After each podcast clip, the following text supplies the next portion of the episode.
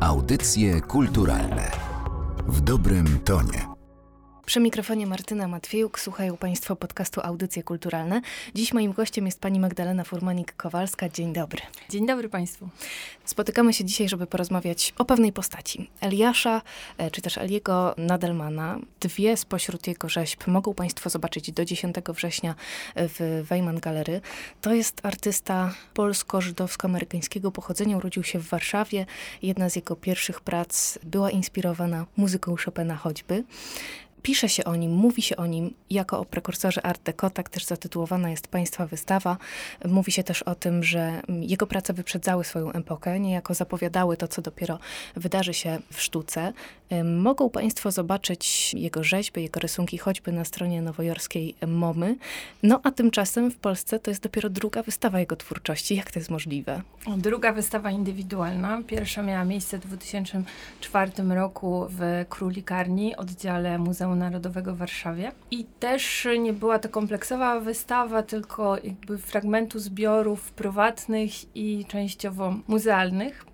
My skupiliśmy się w Gweiman Galery wraz z Fundacją Art and Modern na pokazaniu tego najważniejszego momentu twórczości Eliego Nadelmana, a mianowicie okresu pobytu w Paryżu od 1904 do 1914 roku, kiedy to artysta poszukiwał idealnej formy. To był ten moment, kiedy próbował kształtować własny styl, eksperymentował formalnie. Dla Eliego Nadelmana bardzo istotna była linia. Linia, którą doskonale widać w cynkografiach, które prezentujemy na wystawie, w rysunku, ale również w rzeźbach. Linia, która miała budować bryłę, budować przestrzeń. Linia, która była elegancka, wyważona, wręcz można powiedzieć matematyczna. Oprócz tej linii, Nadelman inspirował się wieloma kierunkami z dawnych epok. Jednak ten etap klasycznej rzeźby greckiej to była jego największa inspiracja, ponieważ charakteryzował on się harmonią. I ta harmonia, to poszukiwanie piękna właśnie poprzez harmonię, poprzez linię, poprzez nierozdganie, które było charakterystyczne, e, nieprzeładowanie, które było charakterystyczne dla secesji, bo Nadelman tworzy to w tym samym okresie, kiedy w Paryżu rozkwita secesja kiedy formy są bardzo dekoracyjne, jest przeładowanie, nie ma harmonii, nie ma porządku, bo mówi się o Elim Nadelmanie, że jest prekursorem Art Deco, ponieważ z jednej strony to Art Deco jakby jest pewnym rodzajem kontynuacji secesji, ale tą secesję porządkuje, mhm. w, tych pracach, w tych pracach czuć dyscyplinę. Tak.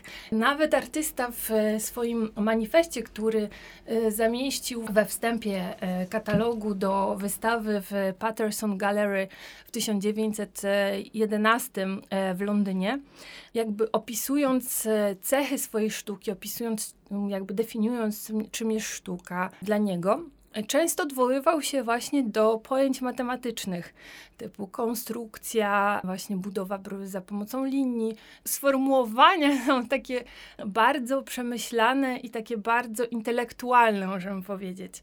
Zresztą Nadelman był bardzo intelektualnym artystą, dlatego nie dziwi, e, może wtrącając małą anegdotę, że Duchamp uwielbiał grać z nim szachy. Mhm. Jak Nadelman w 1914 roku udał się do Stanów Zjednoczonych dzięki wsparciu jego mecenaski Heleny Rubinstein, potentatki firm kosmetycznych, to wówczas znalazł się w najlepszym środowisku intelektualnym Stanów Zjednoczonych w Nowym Jorku. Bywał na najlepszych salonach i między innymi w jego towarzystwie często bywał e, Marcel Duchamp, który jest e, taki bardzo niezwykle istotny dla rozwoju sztuki współczesnej.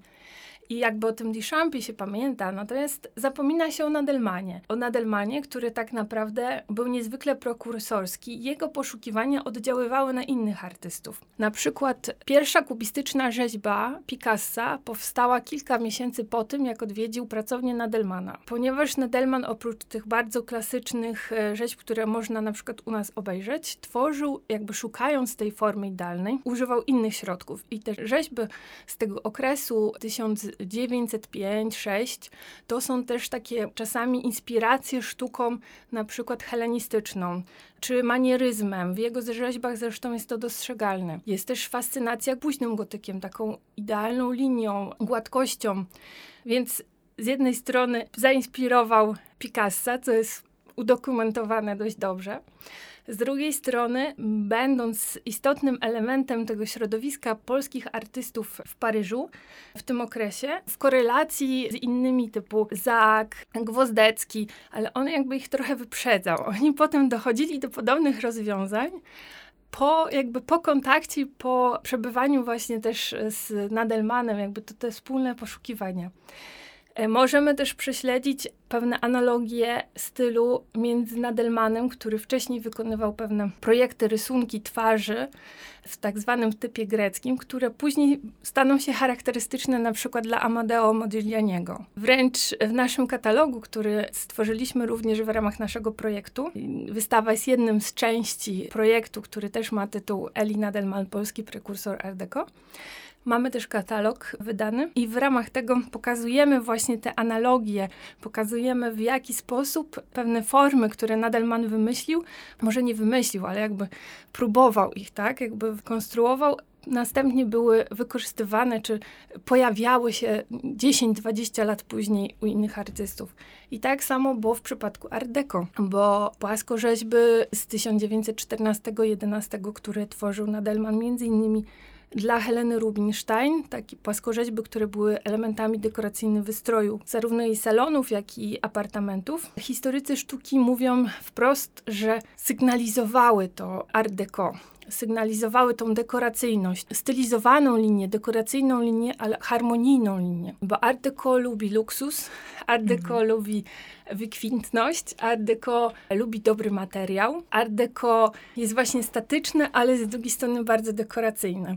Dlatego też mówi się, że Nadelman jakby wymyślił w jakiś sposób, był prekursorem tego stylu, który tak naprawdę zdominował dopiero Stany Zjednoczone w okresie międzywojennym, czyli prawie 20 lat później. Przez cały czas, kiedy pani o tym opowiada, mam w głowie tylko jedno pytanie. To jak to jest? Dlaczego tak jest, że o nim się nie pamięta, że o nim się mówi tak mało? Dlatego, że Nadelman funkcjonuje obecnie jako amerykański artysta polskiego pochodzenia. Amerykanie, jeżeli mają wymienić trzech najważniejszych rzeźbiarzy amerykańskich, to jednym z nich zawsze będzie Nadelman. On po prostu przez to, że w 1914 roku wymigrował do Stanów i tam już został, aż do śmierci w 1946 roku, mimo że utrzymywał kontakty z artystami, kuratorami, marszantami z Europy, listownie, tak, i, i przyjeżdżał też do Europy, to jego główna twórczość, rozwój kolejnych etapów nastąpił w Stanach Zjednoczonych.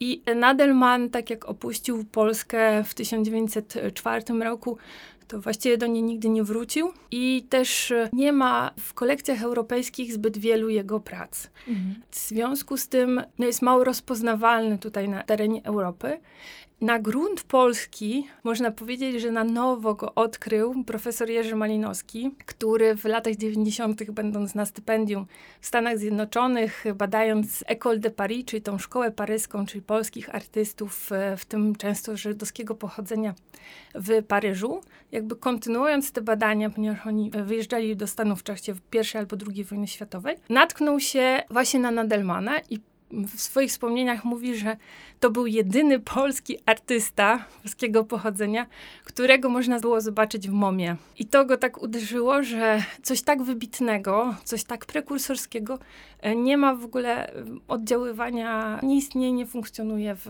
w polskiej historii sztuki. W związku z tym właściciel galerii, pan Krzysztof Wejman, jak e, też pierwszy raz e, natknął się i spotkał Eliego Nadelmana, jego rzeźby, to tak się zafascynował, że postanowił, że musi kiedyś w, Polsce również pokazać, zaprezentować, przybliżyć naszej publiczności, szerokiej publiczności właśnie tego twórcę. Zastanawiałam się też, e, śledząc e, ten wątek życiorysu, o którym pani mówiła, ta emigracja do Stanów Zjednoczonych, jak to się stało, że tak łatwo udało mu się wejść e, do tego środowiska artystycznego? To znaczy, tak by się mogło wydawać, że tak było, bo nawet mm, Elina Delman miał swoją wystawę w Galerii 291, mhm. galerii stworzonej przez Alfreda Stiglitza, no miejscu, które odmieniło całkowicie fotografię, ale też mhm. prezentowało wielkie nazwiska malarstwa i rzeźby. Rzeczywiście był tam ceniony. Tak naprawdę sława Nadelmana zaczęła się już, jakby docenienie jego sztuki zaczęło się już, kiedy przebywał w Paryżu. I ta wystawa, o której pani wspomniała, to miała miejsce jeszcze, kiedy on nie wyjechał do Stanów Zjednoczonych, czyli najpierw pojechały jego rzeźby, mhm. e, jego twórczość, a dopiero on jadąc już e, w 914, no przyjechał trochę jako ugruntowany artysta. Oni już go znali w tych Stanach Zjednoczonych, bo ta wystawa, która miała miejsce w, e, w Galerii Staglica, w, e, w Galerii w Nowym Jorku, po prostu tak zebrała dobre recenzje, była tak dobrze przyjęta przez tamtą publiczność, że przyjechał już na nie tak jako obcy, nieznany artysta, tylko jako artysta już światowej sławy, a poza tym na pewno wpływ Heleny Rubinstein też był tutaj znaczący. Ona w, wykupiła całą prezentację sztuki, która miała miejsce w Londynie w 1911 roku.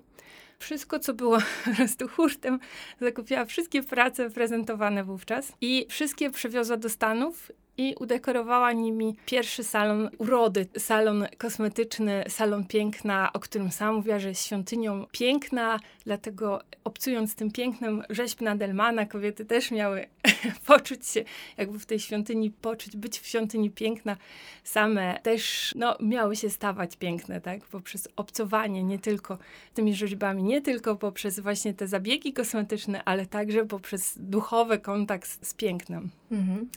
To wracając jeszcze do samej twórczości Nadelmana, wspomniała Pani o mm, inspiracji sztuką hellenistyczną.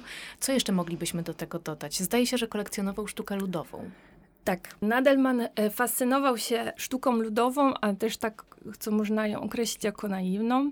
E, w ogóle rzemiosłem zbierał wytwory wszelkiego rodzaju rzemiosła amerykańskiego, ale także wschodniego i europejskiego. Kolekcjonował także meble, jego żona Viola między innymi e, również e, kolekcjonowała, znaczy oni tworzyli tą kolekcję razem, po czym otworzyli w 1926 muzeum i co ciekawe nie podzielili tej kolekcji regionalnie, tylko podzielili ją ze względu na wartości estetyczne albo użytkowe, mhm. co było wówczas niezwykle ciekawym, innowatorskim podejściem. I ten wpływ też tej sztuki ludowej, czy sztuki wielokrotnej, takiej seryjnie wytwarzanej, e, Nadelman interesował się też, oprócz tego, że jakby sięgał do dawnych kultur, dawnych epok, to także jakby starał się, był artystą nowoczesnym.